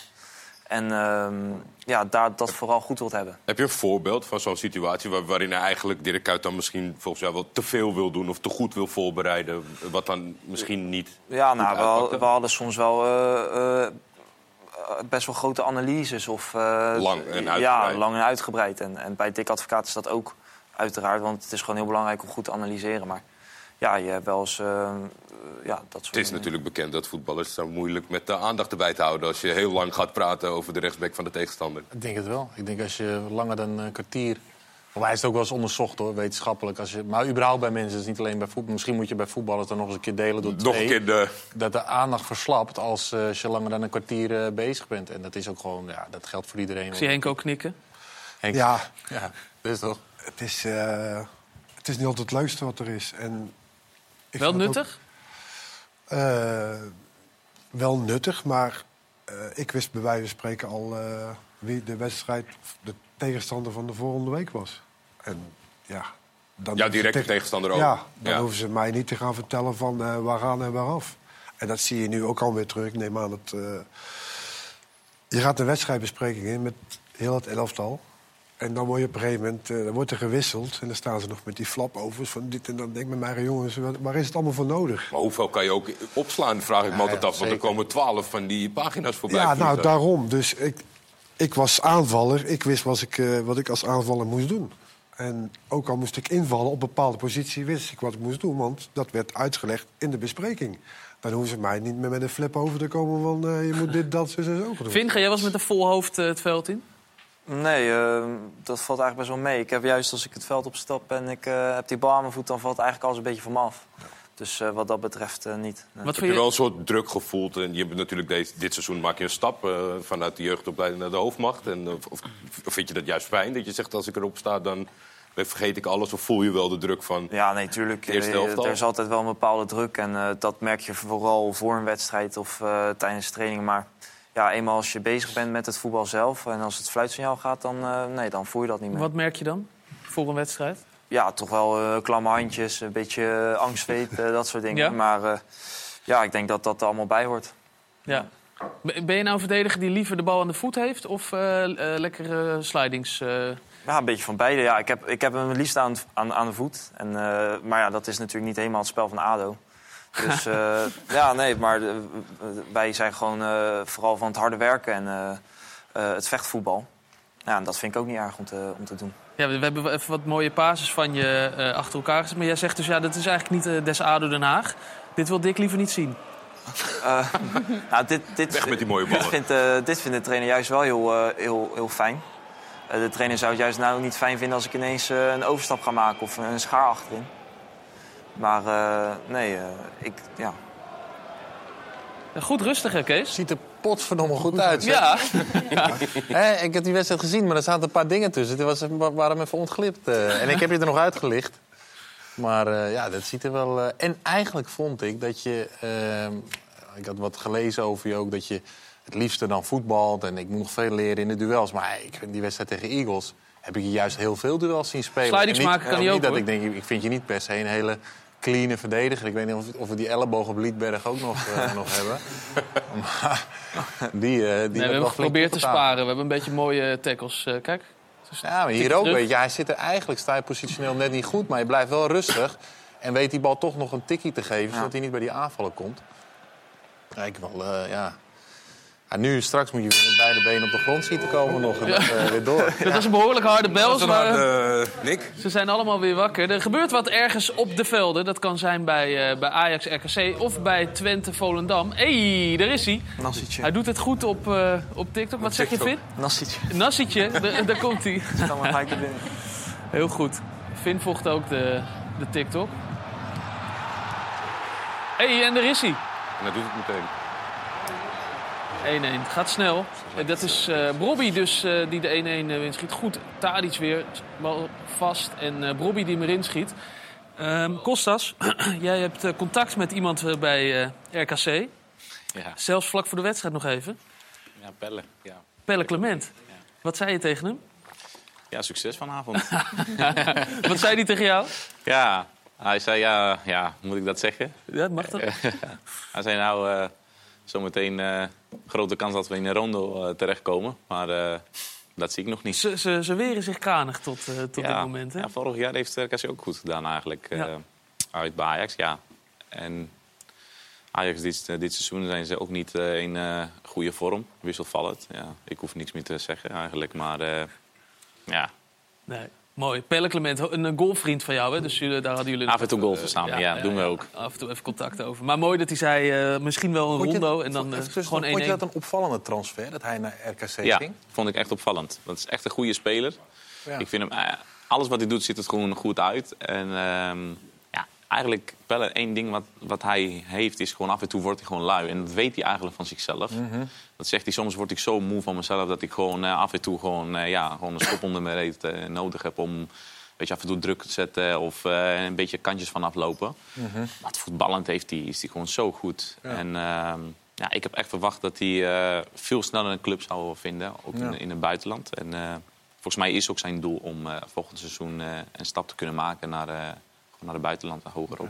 Ruud van Nistelrooy was ook fan hè, van Pelle Clement, zei hij toen in die persconferentie. Ja, ja, ja. die spelers ging opnoemen. Was mooi, was Ja. dat. Ja, ja, ja. Een mooie club voor, eh, voor Pelle Clement. Dat zou, eh, zou mooi zijn. RKC is eigenlijk ook een mooie club. Zou Sochaux een mooie club zijn voor Pelle Clement, Henk? Eh, op dit moment niet zo. nee. Ze zijn wel, eh, wel afgezakt. eh. Sinds jij weg bent, helemaal ingestort. Nee, niet sinds ik weg ben. Maar eh, toen in die periode toen ik er zat, was... Wat was Ja. de status toen? Want het is heel wisselend geweest natuurlijk door de jaren. Nu staan ze er slecht voor, volgens mij op het tweede niveau. Eh 10, 15 jaar geleden Europees voetbal. Nog Ja. Dortmund uitgeschakeld, et ja, klopt. Ik ben toen daar eh, gekomen in eh, eigenlijk eh, ja, wel een goede periode. Eh, ja. Speelde op de hoogste divisie en eh, ja, je komt in eh, ja, schitterende stadions. En, Maar er zat daar ook veel geld, toch, bij Sochaux? Zo'n fabrieksstad. Maar zat, anders zat Henk niet. Nee, eh Sochaux werd gesponsord door, eh, door Peugeot. En de, de Peugeot-fabriek lag dus naast het stadion. En dat was eh, een supermoderne fabriek. En het stadion was wat ouderwets, wat bouwvallig. Maar het veld, dat was, eh, ja, met alle respect... ik heb nog nooit zo'n veld gezien. Beter als in de Kuip. Ja, kan het zeggen. Dat Beter is dan de Kuip. Het beste onvoorstelbaar. veld eh, Ja. waar je bent geweest. Ja, dat is, Wat maakt het ja. dan nog beter dan de Kuip? Ja, het was eh, heel vast. Als je in de Kuip wel eens kreeg je van die hand. Maar dat was daar niet. Ja, Het was, ja... Hoe ze het deden, ik weet het niet, maar het was... Waren er ook de hele tijd mensen aan het werk eh, daar? Er waren continu mensen bezig. Er lag ook nog een, eh, een sintelbaan eh, rondomheen. Nou, daar waren de witte streepjes, die waren allemaal keurig, netjes. Dat was gewoon echt helemaal verzorgd. Alleen het stadion zelf was... eh, Was, was het een beetje gezellige stad? Of was het echt zeg maar, de, fabrieks, eh, de, je had de fabriek en de club en Eh, daar deden de mensen ja, het in, mee? de, in de stad zelf was eh, heel weinig te doen. Dan moest je al meer eh, ja, een stukje eh, verderop naar eh Belfort of naar Besançon. De Sochaux zelf was heel weinig te doen. En eh ja, dichtstbijzijnde wedstrijd die je speelde was eh, met de bus was 500 kilometer. De rest gingen bij allemaal eh, met vliegtuig. Vliegtuig. Ja. Je zou eigenlijk naar een andere club toch eh, gaan? En toen op het laatste moment kwam uh, Sochaux... Ja, ik was eh 99,9% rond met, eh met Duisburg. Dat is een hoop. Ja, dat is echt een hoop. Ik, hoef, ik had de pen in mijn hand om te tekenen. Echt waar. En eh, toen was het de periode dat eh Ewald Liener was daar trainer. En ik had de pen in mijn hand om te tekenen... en eh, de telefoon van mijn zaakwaarnemer gaat en hij stoot mij aan. En hij kijkt en hij ziet de bekende nummer van eh, iemand. En eh, stop, ik mocht niet tekenen. Ik zeg, ja, maar... Ja, dat was echt bizar. Ik heb echt, toen heb ik echt eh, met knikkende knie heb ik daar aan tafel gezeten. Van, ik schaamde me eigenlijk kapot natuurlijk. Ja. Maar eh, ik moest een kwartiertje even uh, Traineren. luchtje gaan scheppen. En eh, nou ja, toen werd mij een aanbieding gedaan eh, ja, die ik niet kon weigeren. Kijk, Kees, toch gelijk toch gelijk. Maar dat was ook echt de eerste keer dat ik dus echt voor, eh, voor het geld gekozen heb, laat ik het zo zeggen. Hoe pakte ze het op in die ruimte in Duisburg? Wordt boos of Eh, of nou ja, ik moest dus, we moesten dus iets verzinnen waarom ik niet ging tekenen. Ja. En eh, ja, we hebben het uiteindelijk niet gedaan. En onderweg naar huis... eh, Maar wat heb je gezegd dan? Wat de reden was? Je moest iets verzinnen. Ja, toch Nou, dat ik eh, een telefoontje had gekregen dat er toch eh, iets anders eh, speelde. En toen wilde Duisburg zelfs nog, nog verder gaan. En ja, dat is tegenwoordig eh, helemaal eh, te gek natuurlijk hoe dat gaat. Maar toen heb ik wel eh, eigenlijk een beetje met, eh, met schaamte ben ik toen in Duisburg weggegaan, laat ik het zo zeggen. Ja, maar Loes, hoe gaat dat dus? Ja, dit, wordt, eh, Ja, dit is wel- voorland. ik zit al na te denken, kan ik bellen nu iemand? Maar, nee. Nee, maar dat is eh, jammer.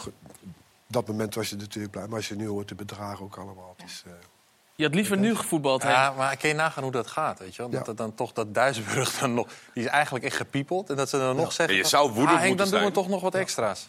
Ja. je zou, ja. Je zou woedend moeten zijn en Nou, dan zeg je, nou, we hebben toch nog een potje hier, kom bij ons. Ja. Is dit een kaping dan? De kaping van een transfer? Dit is een transferkaping, dat Ja. denk ik wel. Als jij 99,9% rond bent en al eh, in die komt rijden... dan is dit wel echt een transferkaping, zoals dat wel eens gebeurt. ja, dat was ook eh, echt een bizar moment. Ja. Dat hoop ik ook.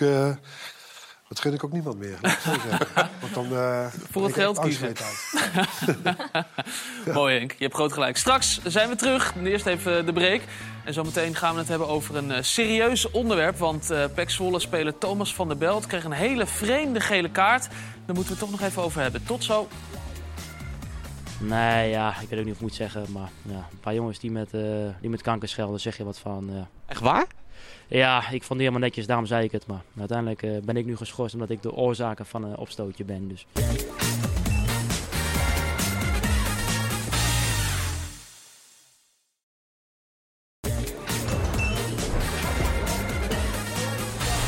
Welkom terug in de voetbalkantine. We gingen er zojuist uit met een eh, moment van Thomas van der Belt. Dat had te maken met een eh, gele kaart die hij kreeg eh, in de wedstrijd Jong Ajax Pek Zwolle. Het was een opstootje.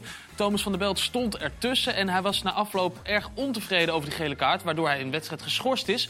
En hij legde na afloop uit waarom dat was. Nee, ja, ik weet ook niet of ik moet zeggen. Maar ja, een paar jongens die met, eh, die met kanker schelden, zeg je wat van. Echt waar?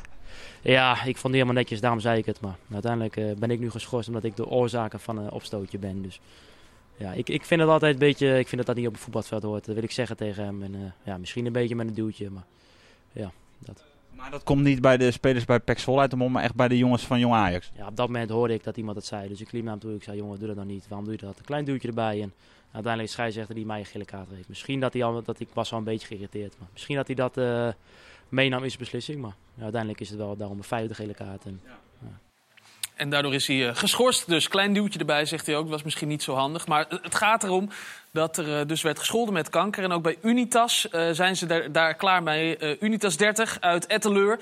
En de voorzitter Ton Staaltjens, die, daar hebben we nu op dit moment contact mee. Goedemiddag, Ton. Goedemiddag. Jullie zijn er ook ja. helemaal klaar mee met, eh, met schelden met, eh, met kanker op het, eh, op het voetbalveld. En jullie gaan hard daartegen tegen optreden. Hoe precies? Ja, ja dat klopt. Ja, inderdaad. wij, wij zijn er inderdaad, we zijn er gewoon helemaal beu. We hebben natuurlijk al jarenlang met de commissie Sportiviteit en Respect geprobeerd om met gesprekken en feedback met ouders, met kinderen, alles proberen dit terug te dringen. Dat is eigenlijk eh, ja, niet gelukt eh, op die manier dat wij het wilden, willen, willen halen. en willen bereiken. Dus vandaar dat we een paar weken terug hebben besloten als bestuur en als, als gehele club om te zeggen van eh, ja, we gaan er gewoon de consequenties aan verbinden. Dus bij het, eh, bij het scheldwoord gebruiken in de wedstrijd is gewoon direct rood. is ook een KNB-regel die toegepast wordt. Is dat betreft niet hele nieuwe dingen. Maar is het een eigen speler of eigen lid, is direct vier weken op non-actief. Voor alle activiteiten die bij de voetbalclub plaatsvinden.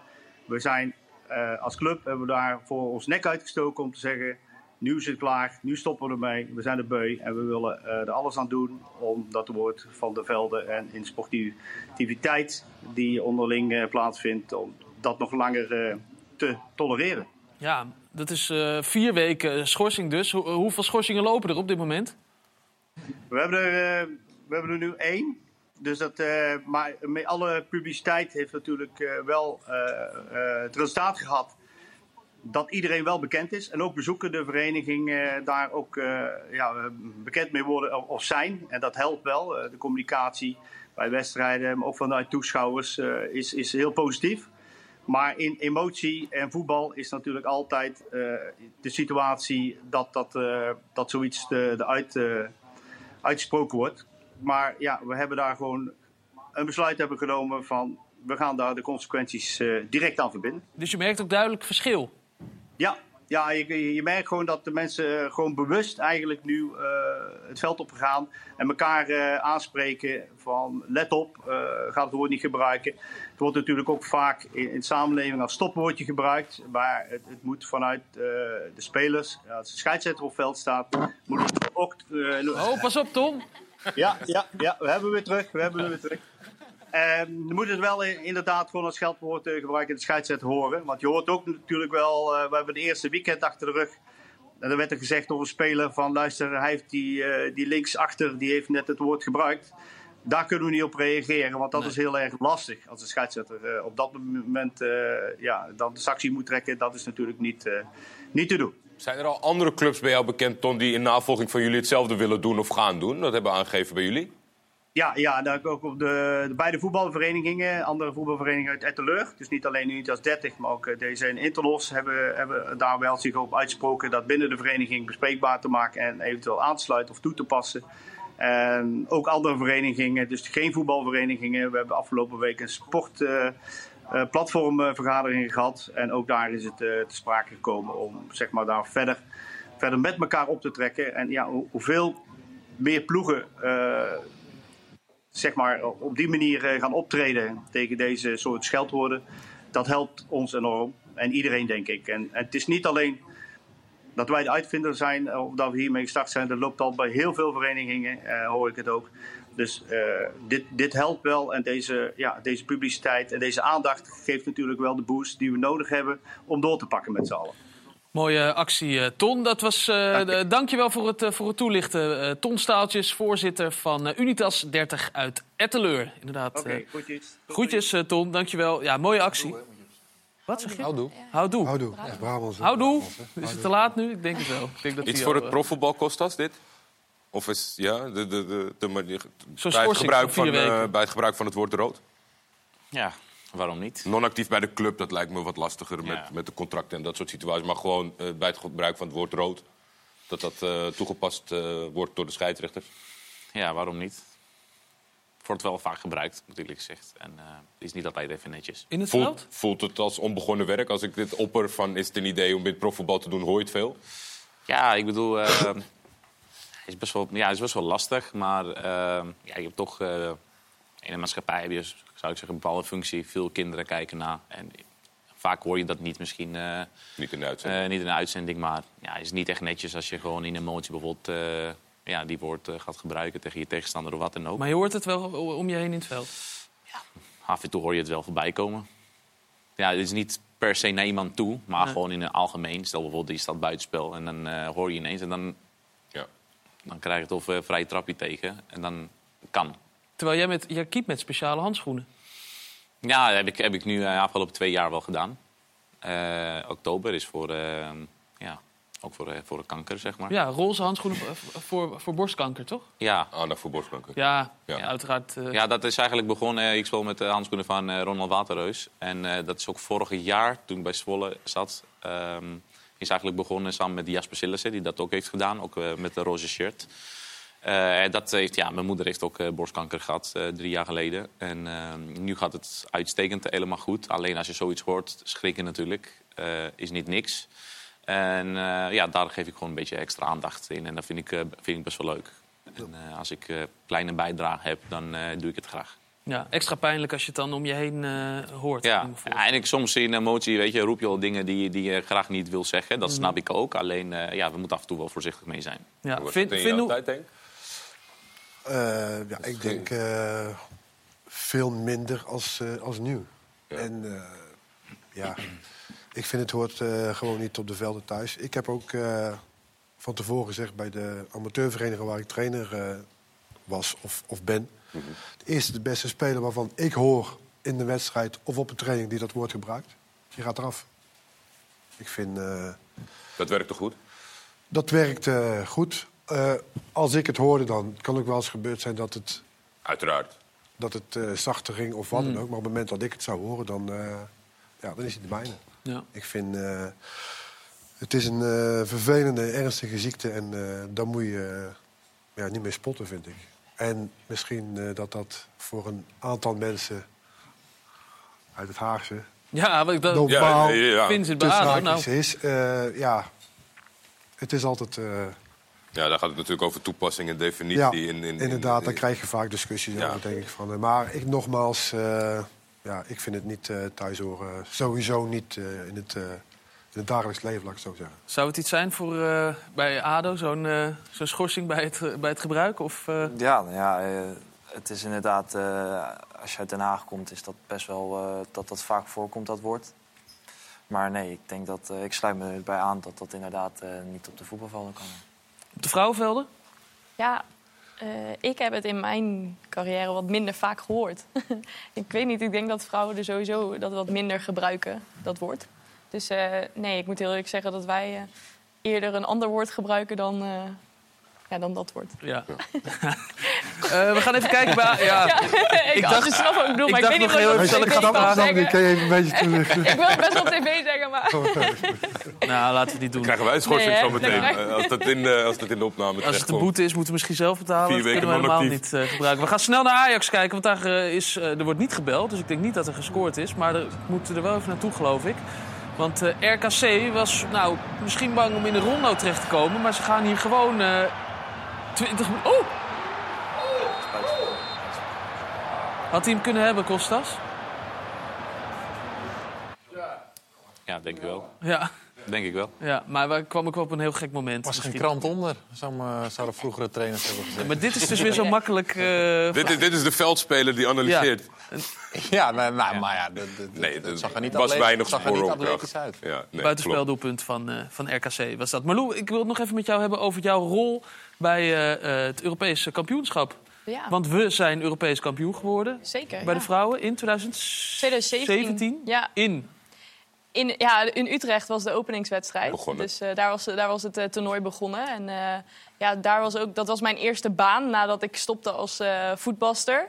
Ik was toen 24 en toen mocht ik als projectleider voor de stad Utrecht het EK gaan organiseren. En dat was voor mij natuurlijk heel bijzonder, want eh, ja, die meiden, eigenlijk mijn lichting en mijn vriendinnen, die stonden op het veld eh, bij de openingswedstrijd. En, eh, ja, Noem ik eens wat mocht, namen van jouw vriendinnen. Danielle van der Donk, Kika van Es, Lieke. Ja, dat zijn wel een beetje de, de namen die daar toen stonden. Jij En mag die- Lieke zeggen, wij zeggen Lieke Martens. Oh, sorry. Ja, nee, ja, ik probeer... Ja, inderdaad. Nee, maar goed, dat was voor mij natuurlijk echt wel bijzonder om dat te mogen doen. Kwam er niet ontzettend veel op je af? Je bent 24 en het is je eerste klus. En ga maar het EK organiseren in Nederland. zeg maar in de stad dan. ja, nee, maar ik deed dat natuurlijk niet goed. alleen. We deden dat met de gemeente en Ja. met de hele wedstrijdorganisatie vanuit eh, het stadion. En eh, ja, tuurlijk komt er heel veel op je af. Maar ja, we hadden ook heel, heel lang voorbereidingstijd, een jaar voorbereidingstijd. En eh, ja, voor mij was dat gewoon echt toen al gewoon heel gaaf om te doen nadat ik stopte met voetballen. En ik denk dat je er tevreden op terug kan kijken hoe het allemaal Zo. is uitgepakt. Ja, ja, ik krijg nog kippenvel van het moment dat we vanaf het Neuden de hele stoet naar het stadion eh, eh, ja, deden. Dat was eigenlijk voor de eerste keer ook in Nederland dat voor het vrouwenvoetbal zoveel mensen eh, ja, zo'n eh, zo'n stoet eigenlijk deden. Was het Eh, nog aan, was het aan, de, aan de voorkant van het project was het eh, twijfel of het Ja. Nederland het zou omarmen of dat het stadion Tuurlijk. vol zou zitten? Ja, wij hadden niet het idee dat we een maand voorafgaand aan die wedstrijd al het stadion, of uitverkocht stadion hadden. Dat hadden we totaal niet aan de voorkant bedacht. Maar dat geeft wel aan hoe ja, erg het vrouwenvoetbal gegroeid is en eh, hoe het eh, ook sinds dat moment nu echt leeft. Ja. Jij bent dus acht keer geopereerd aan, aan die knie. En dan vlak daarna ga je toch iets organiseren. Deed het ook nog een Moeilijk. beetje pijn? Of, of hielp het je juist om het af te sluiten? Ja, nee, ik mis het nog elke dag om eh, ja, een speelster te zijn. En natuurlijk dat moment van eh, eh, het Wilhelmus was voor mij ook wel echt eh, wel even een eh, pijnlijk momentje. Ja. Maar eh, goed, ja, uiteindelijk eh, ben je ook heel blij dat je dat ook mag gaan doen nadat je stopt met voetballen. Henk, jij hebt nooit het, het Wilhelmus gehoord hè? Als, als voetballer eh, met een oranje shirt aan. Eh, wel vaak gehoord, maar niet eh Nee. Nee. Ik heb eh, alle jeugdselecties eh, doorstaan. Alleen het, eh, het grote oranje mocht eh, ja, mij helaas niet eh toevertrouwd voelt, zijn. dat, voelt dat als een gemis nog op je carrière of zo? Ehm, ja, van de ene kant toch wel, ja. Wel dichtbij, toch? Ja, ik was er wel dichtbij. Dat was in de periode dat ik eh Standard Luik speelde. En eh, was eh Dick Advocaat eh, hey, er als is- trainer. En eh, die had ik ook al in mijn eh, jeugdselecties gehad als, eh, als trainer. En die was toen eh bondscoach. En eh, ja, helaas eh, raakte ik toen geblesseerd en ben ik uit de voorselectie gevallen. Ja. Ja. Ja. ja, dat was toch wel mooi geweest. En daarna nooit meer echt het gevoel gehad dat je... Dat je Nee, bij- toen ben ik eh, van eh, België naar Frankrijk gegaan en eh, een beetje aan het zwerven geweest. En ja, toen had ik het ook gewoon uit mijn, eh, uit mijn hoofd gezet. Zeg maar. Ja, ja. Oh, oh. Er wordt gebeld. Dat betekent dat er gescoord kan worden ergens op de velden. Ik zeg nog eh, niet waar. Ik weet trouwens ook gewoon niet waar. Een vrije trap van eh, Ajax is dit. Berghuis, Bessie. En wie is dit? Dit is Jurjen Timber, die de 2-1... In de, in de kantine wordt hij niet goed ontvangen, deze goal, heb ik het, eh, heb ik het gevoel. Zitten geen Ajax-fans eh, achter ons? Twente, hè? Het zijn Twente-fans. Zijn dit Twente-fans? Ja, sorry. Oh, Feyenoord en Feyenoord-fans. Feyenoord-fans, ja. Ja, dan komt hij hard aan even. Ehm, net bij een goal van Twente zag ik jullie allemaal best wel eh, opgetogen. Gewoon een goede goal van daaruit. Oh, Kees. liefhebbers, Kees. Kees, je moet oppassen wat je zegt, hoor ik Ja, nee. Ja. Ja, ze komen uit de bu- buurt van Zwolle. denk ik. Nee, dit is geen buitenspel volgens mij, jongens. Een, eh, een assist van Bessie en een eh, doelpunt van Timber. Dat eh, had je toch ook niet verwacht misschien? Ja, Oh ja. Het, er kwam nog vlak voor deze uitzending een gerucht. dat moeten we misschien ook wel even met de tafels bespreken. Dat Leeds United, die is natuurlijk niet gelukt Oh, ja. om Arne Slot los te weken. De oude maar trainer nu van Ajax. staat Schreuder er erg goed voor, Kees. Ja, ik had grote babbels hè, achter de... Achter Nogal. Nou ja, ja, ja, nou ja, maar ik je zeg, kon je er niet? wel in vinden Nou, dat ze bij hem aankloppen. Het is Ja. natuurlijk op Alfred zich... Schreuder zou bij de wedstrijd van Leeds zelf zijn geweest Ja, en als, als dat zo is, dan, eh, dan, is die, eh, dan gaat hij tegen. Maar denk jij niet dat, dat als Leeds kijkt zeg maar, naar, naar het meest recente wat hij heeft gedaan... en dan denkt van oei, misschien nu niet het moment? Of jij zegt van ik snap, ik snap Leeds wel dat ze bij hem aankloppen. Ja, maar goed, ik denk dat het, eh, het feit dat Schreuder niet is geslagen bij Ajax... heeft niet alleen met Schreuder te maken. Hij heeft natuurlijk echt wel eh, mis... eh, ja, hij heeft dingen gewoon niet goed ingeschat, denk ik. Vanaf het begin niet. Eh, absoluut. Alleen dan is het niet opeens een slechte trainer. En ik denk, op een of andere manier is mijn gevoel... dat daar Nederlandse spelers spelen die het heel goed doen. Onverwachts goed, dat niemand nooit rekening mee gaat. Dat ze wel denken van, nee, die Nederlandse school...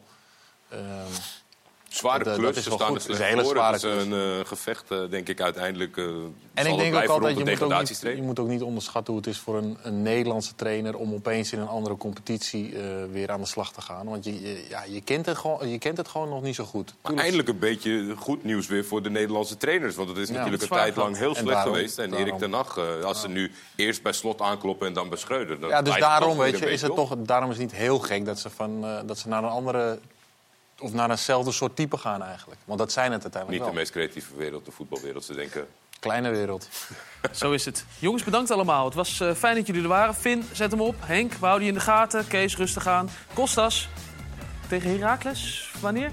Ja, volgende week vrijdag. Volgende week vrijdag. Mooi. Wordt, eh, gaan we kijken in het eh, schakelkanaal. Marlou, zet hem op. Hopelijk nieuwe spelers binnenkort. We gaan het in de gaten houden. Op ESPN 2 en op ESPN 4 is de slotfase te zien van de wedstrijden van Ajax tegen RKC en eh, Twente tegen Volendam. En om 5 voor 7 op ESPN 2, mis het niet. Dit was het weekend. Ook mooi om te volgen. En dan gaan we eruit met eh Jorginho Wijnaldum. Die eh, maakte zijn rentree bij AS Roma. Fijn dat hij weer op de velden staat. En wat zou het lekker zijn om dit liedje binnenkort weer te horen bij AS Roma. Tot volgende week. La sua colonna sonora. Numero 25. Gini Boom!